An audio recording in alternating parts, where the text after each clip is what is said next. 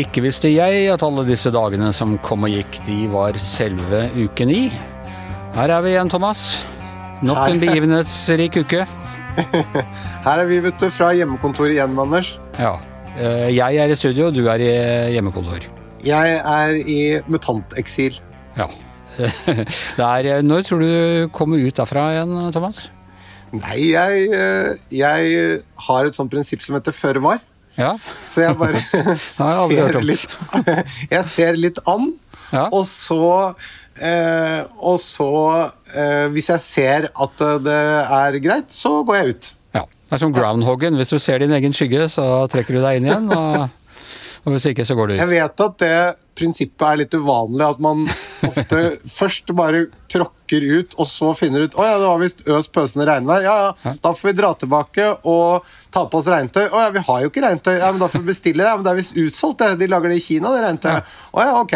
Ja, nei, så, så, men det er bare en litt annen måte å Det er bare to forskjellige måter. Det er ikke, det er ikke nødvendigvis noe Det bedre er andre. det veldig fremmed for meg. Jeg, jeg går naken ut hver morgen og så satser på at det er varmt nok. Og så går jeg inn og kler på meg etter hvert som jeg liksom kjenner kulden på kroppen. Ikke sant? Så ettersom du får signaler fra de ulike kroppsdelene om at dette er ikke noe godt. Ikke sant? Men du- Ja, jeg, jeg, så på, jeg så på debatten eh, for nå her i uken. debatten på NRK? Ja. Og der var eh, Raymond Johansen og Bent Høie. Fredrik Solvang la frem at eh, Erna Solberg hadde sagt unnskyld til Raymond. Og Raymond kvitterte ut at han satte pris på det, og begge deler føltes veldig oppriktig.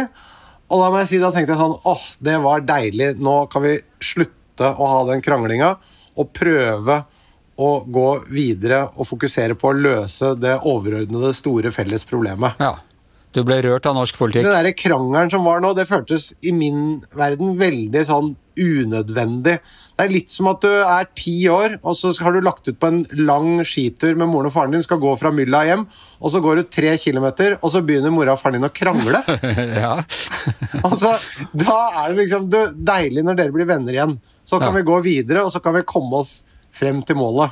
ja, nei, men det ble det jo, så da, da, var, jo, da var jo det kunne lykkelige lille Thomas lunte av gårde på ski med optimisme og, og tro på måloppnåelse. Jeg vil bare nevne at eh, dere da i pressen, og kanskje særlig dere i VG, dere representerer jo da familiens venn som går i skisporet ved siden av, og sier til mamma sånn Du, du vet at han, mannen din sa til deg i sted at eh, det han sa til oss, var noe helt annet enn det han sier til deg nå. Så jeg er ikke sikker på at den krangelen er helt ferdig. Ja, så du opplevde at vi, eh, vi gikk ved siden av dere i skisporet og prøvde å få mor og far til å begynne å krangle igjen?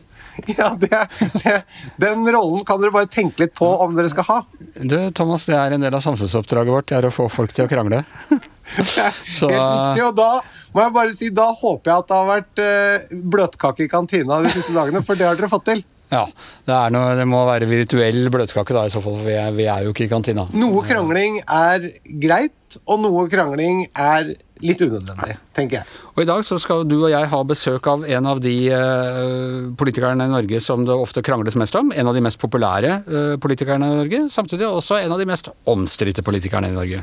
Ja, og For å bruke dette bildet med familievenn, her er jo VG en hva skal vi si, nær og trofast familievenn av uh, dette partiet, og kanskje også denne personen, i form av å være med å ja, bidra til krangel som er til gjensidig glede for begge. Krangel er viktig for samfunnsutviklingen. en dynamikk uh, som skaper demokrati og engasjement, vet du, Thomas. Og her har VG og Fremskrittspartiet det har drevet det i fint samspill fremover opp igjennom. I, i, i herlig tospann. Sylvi Listhaug, hjertelig velkommen. Tusen hjertelig takk. Eh, på en kald dag, vi snakket om det akkurat nå rett før vi slo på, på mikrofonene, er vinteren har kommet tilbake. Litt kjølig, men sola varmer mer og mer, så det er deilig når det går mot eh, vårlige tider. Ja. Går du til jobb, eller eh, kjører du Nei, kjører. Du kjører bil, ja. Mm. ja. Ja, for Stortinget er et av de få stedene hvor det fortsatt går an å parkere i sentrum. Enn så lenge. Ja. Har, har alle parkeringsplass da hvis du er stortingsrepresentant, eller er det Det er vel sånn at alle stortingsrepresentanter kan parkere, men det er klart det er jo mange som pendler fra ulike deler av landet som ikke har bil eh, i Oslo. Så det er nok ikke alle som kjører til, til jobb her, nei. Nei. Men Sylvi, kjører ikke du elbil, da? Eh, Jo da, jeg gjør det òg. Jeg har en mann som er veldig bilinteressert, så ser se fire biler. Nå okay. finnes det jo flere- parkeringsplasser for deg i Oslo sentrum, gjør det ikke? Jo, men jeg bruker bare én bil av gangen, da, så Så det går nok fint. Men er det, ja, du, du venta litt før du innrømte at du kjører elbil. Er det noe du nærmest liksom er flau over? Nei da, nei da. Men eh, jeg, jeg tror de fleste som kjører elbil nå på vinterstid, i hvert fall har funnet ut at det, det er ikke noe sånn suveren norsk vinterbil. Nei. I hvert fall ikke når det er 20 grader. Da skal du helst ikke være avhengig av å kjøre så veldig mye. Ellers så bruker du mye tid på lading. Men, men det er sant, fordi vi kjøpte elbil, og den kommer nesten opp på hytta. ja. Du må kjøpe deg egen sånn ladepinne å ha med. da. Det gjelder å ha én bil så du kan kjøre litt lenger med. Det er i hvert fall sånn som også er innretta oss. Men det fører jo til at vi må da på McDonald's hver gang vi skal på hytta. Ja, det er jo en fordel sikkert, syns noen. da. Så det er, det er fordel for McDonald's og selvfølgelig for økonomien at vi da bruker litt mer penger, men for oss sånn privat som familie, så er det klart eh, Verken helsemessig eller økonomisk er det noe særlig god løsning. Nei. Men eh, dette er nesten litt sånn politisk korrekt avvik fra deg, da, dette her at du kjører elbil. Ja, men jeg kjører også Suburban. Ja, Så, så du og- får satt et ja, ja, sånn, og så har jeg to gamle avtrykk. biler, da. Ja. Sånne veteranbiler. Så, Ok, eh, Så du gjør ingen, opp for det er ingen fare. Men hva, hva slags elbil har du, Sylvi? Det er en eh, Chevrolet Bolt. Det må være amerikansk, vet du. Ja, nettopp. nettopp. Og så er det ganske bra rekkevidde, i hvert fall på sommeren, da, på den. Da er det Ja, oppimot ja, 40 mil. Har du kjøttfri mandag også? Nei, det Jeg spiser akkurat det som passer meg Ja, når eh, Jeg tenkte vi nå skulle klare å avsløre Sylvi Listhaugs politisk korrekte hemmelige liv, men, eh, men kanskje, Jeg tror kanskje du skal jobbe en stund. Ok. Du, eh, gratulerer med at du er, eh, er pekt på som ny leder for Fremskrittspartiet. Det var veldig hyggelig det, men nå skal det jo først være en innstilling, og landsmøtet skal eh, votere, og så, så jeg er langt ifra valgt ennå. Ble du overrasket over at eh, Siv pekte på deg? Ja, det er klart, det er jo Jeg blir jo veldig ydmyk og, og hva jeg skal si da. Det er, jo, det er jo en stor ære å bli pekt på. Men samtidig så vet jeg det at det er en demokratisk prosess i partiet der folk skal kunne ja, komme med andre kandidater, valgkomiteen skal jobbe, og så er det på landsmøtet det skjer. Så jeg tar ingenting på forskudd. Men at du er en av favorittene, det må vi kunne slå fast. Ja, det kan jeg kanskje være med på. Men, men eh, hva, slags, eh, hva slags forhold har du hatt til Siv liksom, de siste årene? Jeg har hatt et godt forhold til Siv hele veien, fordi jeg starta i Fremskrittspartiet i 1998. Da kom jeg inn i ungdomspartiet, og også ganske tidlig i moderpartiet. I 2001 så starta jeg som rådgiver i stortingsgruppa, og jeg vet at Siv hadde en finger med i spillet når jeg ble ansatt der. Den gangen så var det veldig få andre damer som jobba der. Jeg var en av de, i hvert fall de første yngste, eller unge. Ja, hvor gammel var du da? Ja, da var jeg 24 år. Ja. Og starta da å jobbe med kirkeutdanning og forskningspolitikk. Så vet jeg også at Siv hadde en finger med i spillet når jeg ble byråd i Oslo. Det var i 2006. Ehm, Så har jeg jo sittet i sentralstyret i Fremskrittspartiet siden 2005 som fast medlem. Det er altså 16 år. Eh, Og jeg kom inn som vara allerede i 2004. Så det er klart, vi har jobba mye sammen i veldig mange år. Og så henta hun meg inn da som eh, statsråd i 2013. Så, eh, så vi har kjent hverandre veldig godt i mange år. Hva er hovedforskjellene på dere politisk? Nei, altså jeg opplever Vi står jo bak den samme politikken, det samme programmet. Så jeg, vi er, står for de samme tinga, vil jeg si. Carl I. Hagen skryter jo også veldig mye av deg. Har du like godt forhold til han personlig som du har hatt til Siv også, eller? Ja, han har jo vært der hele tida, da. Helt siden jeg meldte meg inn. Jeg ble ansatt i stortingsgruppa, og han var jo også ivrig når jeg ble byråd i Oslo den gangen. Det veit jeg.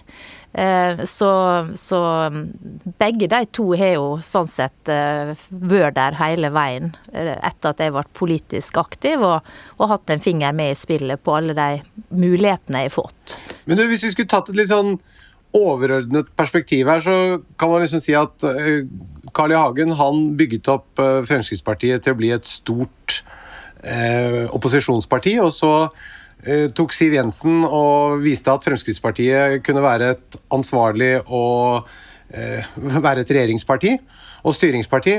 Hva er din plan hvis, hvis du blir leder? Hvordan vil du at Fremskrittspartiet Hva skal man si om din epoke i Fremskrittspartiet?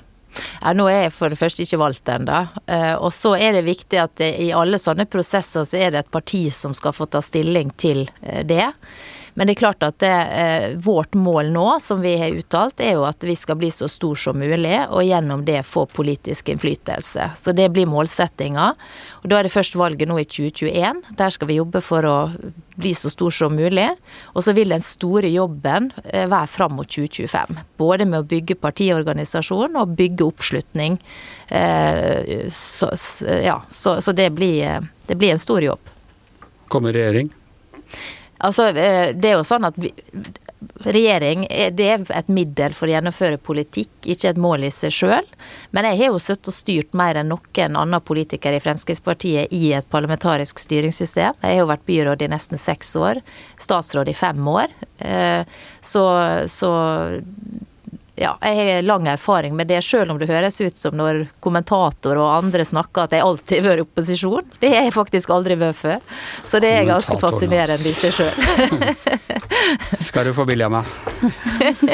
Du, eh, vi må snakke litt om, om eh, Senterpartiet. Fordi eh, jeg husker, husker Høyre pleide å si om Eh, Arbeiderpartiet på 80-tallet at de hadde stjålet klærne deres mens de var ute og badet. Har Senterpartiet stjålet klærne deres mens dere satt i regjering og badet? Ja, altså Vedum høres på en god dag ut som eh, en eh, god Frp-er. Men så er jo bare problemet det han skal samarbeide med, da. Når han sier at han ønsker å redusere avgiftene, så er det jo Arbeiderpartiet som aldri har vært kjent for å ønske å redusere avgiftstrykket eller skattetrykket. Er Sosialistisk Venstreparti som bruker å være enda ivrigere.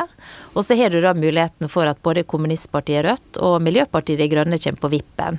Så det som vi syns er rart, da, er at hvis han ønsker å gjennomføre den politikken han sier han skal, hvorfor vil han heller da samarbeide med Rødt og med MDG istedenfor Fremskrittspartiet. Han vil vel ikke samarbeide med akkurat dem? Nei, men det blir jo konsekvensen av den sida han er på, da. Ja, altså Konsekvensene blir at en god del av de som stemte, hvis, hvis dette blir valgresultatet, som stemte Frp øh, forrige gang, nå kan få Jonas Gahr Støre som øh, ja, statsminister. Det er helt riktig.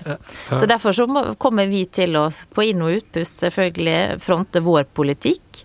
Eh, og for så vidt også invitere Vedum, som vi har gjort mange ganger og kommer til å fortsette å gjøre, til å skifte side.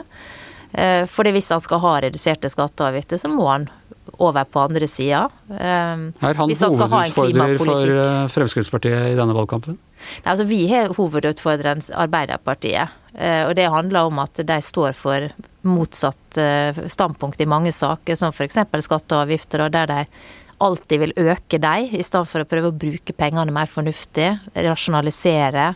Eh, sette tæring etter næring.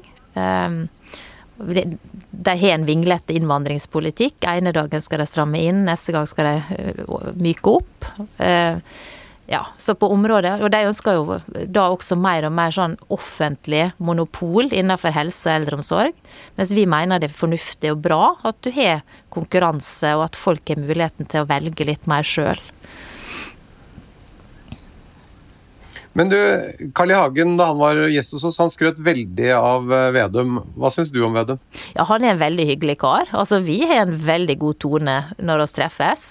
Eh, så det er, ikke, det er, ikke, noe å si på. Dere står ikke kulturelt langt fra hverandre? Du vet, begge to er vokst opp på en gård. Eh, og det, du har mye av de samme referansene når du gjør det. Eh, og ikke minst Du er glad i samme biler? ja, han er vel Ja, jeg veit ikke. Han har vel kanskje dieselbil. Det har ikke jeg, da, men Har ikke han en sånn stor pickup? Han har kanskje Volkswagen pickup, mens du har sånn amerikaner? Ja. Jeg er amerikaner. er det bare amerikanere du har, disse fire bilene? Nei, det er vel tre amerikanere og så en tysker. Ja. Ja, ja. En BMW også. Men kvalitet i alle ledd. ja. Altså, Vedum har jo vært tydelig på at han vil i regjering, mens eh, jeg oppfatter jo deg som litt mer åpen for å være både utenfor og i. Det, kan det være et av problemene? Altså for oss velgere så kan det virke litt sånn rart at eh, ja, vi vil ha mange stemmer, men vi vil ikke sitte i regjering. Det som vi har sagt, er at det, det er nå eh, opp, altså Vårt mål er å bli størst mulig, og da er det opp til velgerne å bestemme det. Eh, og så er det det om vi er store og sterke nok, så vil det avgjøre om vi vil eh, vi, Altså hva vi da ønsker å gjøre. Men dette her er en prosess som skal diskuteres i partiet nå. Vi skal jo ha eh, strategidebatt i landsstyret snart. Vi skal ha et landsmøte. Så der vil jo disse spørsmålene komme opp. Men vi skal være store og sterke hvis vi skal, skal inn i regjering igjen. Det tror jeg de fleste er enige om. Ja, og enda sterkere enn dere var nå, for det parlamentariske grunnlaget var egentlig ikke stort nok, da, ettersom dere nå ikke er der. Altså for å si sånn, Jeg tror de fleste hos oss er vel forsynt av å sitte og styre sammen med Venstre og KrF. Ehm, så det, det er i hvert fall et utgangspunkt. Men tror du ikke at, tror du ikke at noen velgere tenker litt sånn at, at I hvert fall jeg tenker litt sånn i andre sammenhenger òg at folk som er litt sånn Hvis ikke jeg får alt som jeg vil, så gidder jeg ikke å være med. Jeg syns det virker litt sånn tassent. Ja, men eh, det handler jo ikke om det, da. Men det handler jo om store politiske forskjeller i mange viktige spørsmål. Enten det er klimapolitikk, der eh, disse partiene er mer ivrige etter å styre og bruke pisk og plaging av folk. Vi er helt mot det øke skatter og avgiftene på dette området. Vi er mot det. Eh, eller at det går på innvandring, der de ønsker helst flest mulig til Norge. Vi ønsker å hjelpe flest mulig ja, ute i verden. Men, så det er jo politiske forskjeller. Ja, men For innvandring, for meg som velger, så klarer ikke jeg å se den store realpolitiske forskjellen, da. Ja, Det er ganske stor forskjell på å ønske å da eh, ta imot eh, svært få. Eh, vi foreslo null i år, og å ta imot 3000. Det er stor ja, forskjell. Men ja, men for Norge sånn i sum altså vi er, Hvor mange mennesker er vi her nå? Ja, Vi er fem millioner cirka. Ja, og en halv. Raskt, og vi er, en, av, vi er en av de, de landene som har hatt eh, størst innvandring gjennom veldig mange år. Det, eh, og, vi, og, derfor så må man tenke langsiktig. Ja da, og det, det, er greit, men spørsmålet er bare hva er det som skjer nå? Og nå sitter jo Venstre og KrF i regjering, og det er ikke noe kjempestrøm av innvandring til Norge nå? Ikke, altså, Asyltallene er jo lave nå, eh, og så tar vi jo en del på kvoteflyktninger. Men det som man skal følge med på, er jo hva som skjer sør i Europa. Og det er klart, i 2000, 2020 eh, så kom det 460 000 asylsøkere til Europa. Det er mye. I et år med pandemi, der du kanskje skulle tro at folk ikke kom seg noe sted. Det er mer enn i 2011, som var et helt normalt år. Eh, så, og selv med det trøkket, så slipper jo da Venstre og KrF i regjering ikke inn flere enn de gjør. Ja, altså det, det 3000 kvoteflyktninger er blant de landene som tar mest, og vi er et lite land. Eh, så, så, det er klart, eh, vi mener jo at vi har store utfordringer med integrering fra før, som burde vært håndtert før vi tar imot veldig mange flere. Ja, og det, og, men bare at det er bare min forståelse av 3000 i forhold til 5,5 millioner er kanskje feil. Jeg tror, det er, ja, jeg tror det, ikke det er så mye, men det, da tar jeg kanskje feil. Det er den som kommer på kvote, og så kommer det jo mange på familiegjenforening. Det er tusenvis som kommer der også. Så, så totalen i så Norge er, det er, enorme, det er enorme forskjeller i innvandringspolitikken i Norge? Ja, det er store forskjeller. Og, og, det handler som sagt, alle tenker at her og nå så er ikke det farlig, men dette, dette handler jo om hva man gjør over tid. Og der er jo Norge et av de landene som har hatt størst innvandring. Jeg er helt enig i alle de, de, perspektivene. Det er bare selve tallforståelsen vi er litt ja. enige med. Ok, men jeg tror ikke dere, dere blir enige om det nå. Du, jeg må spørre deg, du er opptatt av USA. Du har til og med vært i, altså, observatør da, i Kongressen? Ja, sånn intern som det heter ja. den gangen. Det foregår jo store ting og skifter i, i amerikansk politikk. og Jeg har pleid å, å plage Høyre-folk vi har hatt her med at de er søsterpartiet til republikanerne i, mm.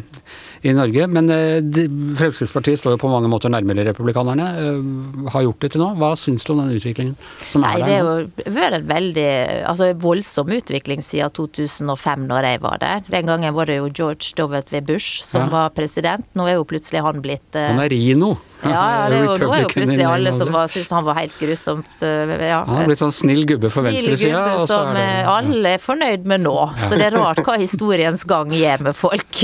Sånn har vi sett tidligere også. Eh, nei, så det Jeg følger ikke sånn veldig tett med, men det er klart det har vært en voldsom utvikling i, i det For en radikalisering av partiet, rett og slett? Ja, det har vært en, en, utvikling som har gått i, i gal retning, eh, sånn som det ser ut for meg. Men så vet vi at det er jo ulike fraksjoner internt i det republikanske partiet. Det er det alltid vært. Når jeg var der, så var det tre forskjellige grupperinger. Og for å få gjennom ting i, i, i Kongressen, da, så måtte du deale mellom disse her. og hvis den mannen som Altså en av representantene skulle stemme for et eller annet, så måtte han helst ha en bro eller en vei eller et eller annet i sin ja, delstat. Og da skjønte jeg jo det at eh, for jeg hadde det inntrykket før jeg reiste dit, at der er det vel sikkert veldig rasjonelt og liksom sånn. Og så mm. fant jeg ut at oi, jeg skjønner hvorfor de bruker mye penger, og at disse statsbudsjettene hele tida blåses opp. Fordi at alle skal ha et eller annet for å støtte det, og, og da blir det dyrt. Ja, all politikk er, er lokal, eh, ja. egentlig. Men, men, eh, jeg bare tenker altså, du har jo også, eller dere har jo også utenfor Fremskrittspartiet et, eh, hva skal vi si, et landskap som er påvirket av en god del av det som skjer i USA. Tror du det blir en større eh, utfordring for dere nå framover, å, å holde grensene mot de litt mer sånn QAnon-aktige tendensene? Nei, altså vi er nødt til å være altså Fremskrittspartiet står for det vi står for, uh, og gjør det på en ryddig måte. Sånn som vi egentlig alltid har gjort, da. Så det ja, det kommer vi til å gjøre. Ja, så du tror ikke det blir, blir noe større utfordring for dere? Det er vel partiprogrammet i seg selv vil eh, jeg, sette opp de uh, grensepostene? Ja, det må man ha på, på, hva som er greit. Og det, det, har vi alltid hatt. og det er jo noen av disse oppgjørene man kan kalle det, det har jo også handla om det. Mm. Men du Sylvi, helt sånn oppsummeringsvis sånn velgernyttig spørsmål, da. Hvem skaper et samfunn som er nærmest FrPs idealsamfunn? En Ap- og Sp-ledet regjering eller en Høyre-ledet regjering uten Frp? Nei, altså, for å si sånn, Vi vil jo ikke jobbe for å sette inn en sosialistisk statsminister. Det har vi jo sagt tydelig som et utgangspunkt. Men så skal vi diskutere disse spørsmålene om regjering i partiet. Og det skal vi gjøre på landsstyremøtet som kommer, og også på landsmøtet blir nok det sikkert et tema. Men eh, jeg, har jo, eh, altså, vi har jo ikke aldri kjempa for å sette inn sosialister i, eh, i statsministerstolen. Ja, bensinprisen og Carl I. Hagen og ja, Men der ble det satt ned foten på politikk. Så da er man villig til å la hva skal vi si for noe, Det store skrittet mot idealsamfunnet det kan godt fare hvis det kommer enkeltsaker som står i veien for følelsene? Altså, Vi kommer ikke til å støtte en politikk vi er imot. Eh, Dere vil ikke stemme for å øke bensinprisen f.eks.? Nei, det kan jeg garantere at det kommer ikke vi til å støtte. Eh, og, og, derfor så er det sånne saker blir jo viktige videre også. Og det vet jo regjeringa og Erna Solberg hvor vi står. Men og hvis da noen f.eks. reverserer muligheten for å kjøre sånn Segway, så lar dere gjerne veibyggingsprosjektet fare? Jeg tror ikke det kommer til å velte lasset, nei. Men det er andre saker som er mye viktigere, som går på skatter og avgifter, som handler om helse helsepolitikk, eh, samferdsel, veibygging, som selvfølgelig vi er veldig opptatt av. Eh, de, de sakene er, er, det som er viktigst for oss, da. Er det noe land i verden som, hvor du føler er et, et større idealsamfunn enn Norge? Hvor, hvor liksom eh, forholdet mellom sunn økonomisk styring, demokrati og fordeling av godene er bedre enn i Norge? Jeg syns at vi ser det veldig godt i Norge. Og det som blir det viktigste framover, er å, å, utvikle dette videre. Ikke stoppe opp. Når jeg hører politikere som sier at ikke man ønsker økonomisk vekst, legge ned oljenæringa, når vi vet at det er motoren som eh, skaffer oss enorme inntekter. Eh, da blir jeg rett og slett skremt. Men Norge per nå er det beste? Jeg syns Norge er veldig bra, og så skal vi gjøre det enda bedre. Og det er jo derfor vi driver med politikk, da. Det morsomme er at akkurat det sa Bjørnar Moxnes også. Ja. Eh, så forskjellene i norsk politikk er ikke så gigantiske som de f.eks. er i USA. Nei, og det, det tror jeg vi kan når, si. Når og, det ytterste høyrepartiet i, og kommunistpartiet i nasjonalforsamlingen er enige om at Norge er best. Og det er jo kjempebra at vi står samla og sier at Norge er best, men samtidig så er det helt klart at Norge kan gjøres bedre. Og det er mange folk i Norge som ikke har det bra, altså som har det ille, som er på sidelinja, som ikke kommer seg i jobb, som har dårlig råd, eh, som har psykiske utfordringer. Masse, masse ting å ta tak i og løse framover for å gjøre samfunnet enda bedre og, og gjør at alle får et bedre liv. Ok, du, Vårt lille bidrag til å forbedre Norge og økonomien det er at vi spør alle gjestene våre om de har kjøpt noe den siste uka som har bidratt til å putte pengene inn i økonomien. Har du kjøpt noe utover dagligvarehandel som har bidratt til dette? Ja, heldigvis. Jeg hadde en liten pustepause på Sunnmøre. Der var det jo faktisk stengt, eller åpne kjøpesenter. Det var en fantastisk følelse. Åpne svømmehaller, åpne lekeland. Det var, det var fantastisk å komme ut dit. Eh, da kjøpte jeg påskepynt. Ok, ja. For jeg elsker å pynte både til påske og til jul. Så hyggelig. Hva slags påskepynt da? Sånn lys kyllinger? og litt sånne Ja. kyllinger. Ja. Så det, å, det er koselig. Hvor mye koster påskepynt i, i våre Nei, jeg, dager? jeg tror jeg betalte 400 kroner eller noe Ja, ja, sånt. det ja. for det. Penger inn som ellers ikke hadde vært der. Ja, Hva gjør du med den gamle påskepynten? Nei, du må ha mer og mer og mer, vet du. Ja, nettopp. Så da har du også sånn hundrevis av nisser til jul? Å, ja. Det er så mye at det, det er overalt i hele huset. Jeg Og du kvitter deg ikke med det gamle? Det er Nei, det nei, bare nei. Den skal stå magisanerer der, og den skal stå der, ja. og det er liksom Her er det ordentlig okay. julegardiner på kjøkken og på stua og ja. Halloween også, eller er det ja. Ikke så mye halloween. Nei. Men, og da sier mannen din har, vi, har du ikke nok Han sier ikke det, men ungene sier det. 'Mamma, vi har ikke plass til flere nisser nå'. Mamma, vi skal ikke ta inn flere nisser. Og så sier du jo da, vi skal ta inn nisser til det tyter ut av øra på oss. Så skjønner ikke du den langsiktige konsekvensen av å ta inn for mange nisser. Dere har for mye nisser. Det går på bekostning av driften av hjemmet deres. Ja, men vi har, vi har masse, ja, masse flere rom vi kan pynte opp. Det er i hvert fall tydelig hvem som da er sjefen. Eh, du, eh, Thomas, hva har du kjøpt? Du, Anders, vet du hva, jeg har ikke kjøpt noe. Altså, jeg har bestilt på nettet en kokebok. Det er liksom det eneste jeg kan komme opp med. Ja. Jo, men det er penger, det òg. Hva slags kokebok? Ja, det er penger, men det er riktignok penger ut av landet. Ja, uff, nei, det er ikke så der, bra. ja. Nei, er ja. sånn- Ja, ja, så jeg sånn, må, du. Må handle norsk, det er hele poenget med denne eh, kampanjen vår, eh, Thomas. Nå, nå, kan vi ta den store oppsummeringen av hvorfor dette endte sånn, Sylvi. Fordi at dette er jo da en kokebok som Norge ikke har investert nok i lokale krefter til at noen nordmenn kunne skrive denne kokeboken. Så den ble rett og slett skrevet av en utlending. Om norsk mat. Om matvarer generelt. Eh, Det der egentlig, det handler om eh, smakssammensetninger og hvilke smaker som passer sammen med hverandre. Den heter The Flavor Bible. Den er okay. utrolig kul, så det er ikke oppskrifter, men det er eh, rett og slett smaker som passer sammen. Ja, de trenger å sette økonomien i, i gang i andre land også, så det er jo, det er jo bra. Eller tok du til orde for subsidiering av eh, Subsidiering av Ja. utenlandsk forlagsvirksomhet. Dette kan jo være både et argument for at man skal subsidiere norske lokale forhold, eller at vi ikke skal handle så mye med utlandet og prøve å få det inn i Norge. Så jeg vet ikke hvilket perspektiv vi skal ta, Sylvi. Det får du bestemme. Jeg bare velger, jeg. Jeg, jeg syns at det er opp til hver enkelt. Det da. Frihet for enkeltmennesket, vet du. Det er et eh, greit utgangspunkt. Nettopp. Men heldigvis så har vi en handelsavtale, så det går greit å, å få kjøpt den, da. Ja. Anders, hva har du kjøpt? Nei, eh, egentlig ikke kjøpt noe, jeg heller, men indirekte, for den stolen jeg prata om for et par uker siden, den kjøpte jeg jo på Finn. Ja. Og de som har kjøpt den stolen, har brukt de pengene til å kjøpe en sånn robotstøvsuger. Så da, da har jeg sånn stang inn, putta penger inn i økonomien. Men har du noen, har du noen peil på hva de som solgte robotstøvsugeren skal bruke pengene på?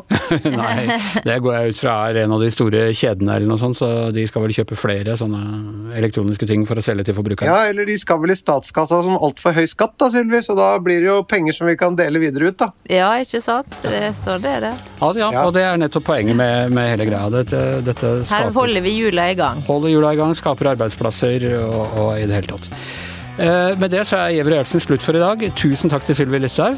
Eh, tusen takk til eh, Thomas Gjertsen. Jeg heter Anders Giæver, og mannen som eh, ikke trenger å se på klokka for å føle når vi har brukt opp taletiden vår, er vår faste produsent Magda Antonsen.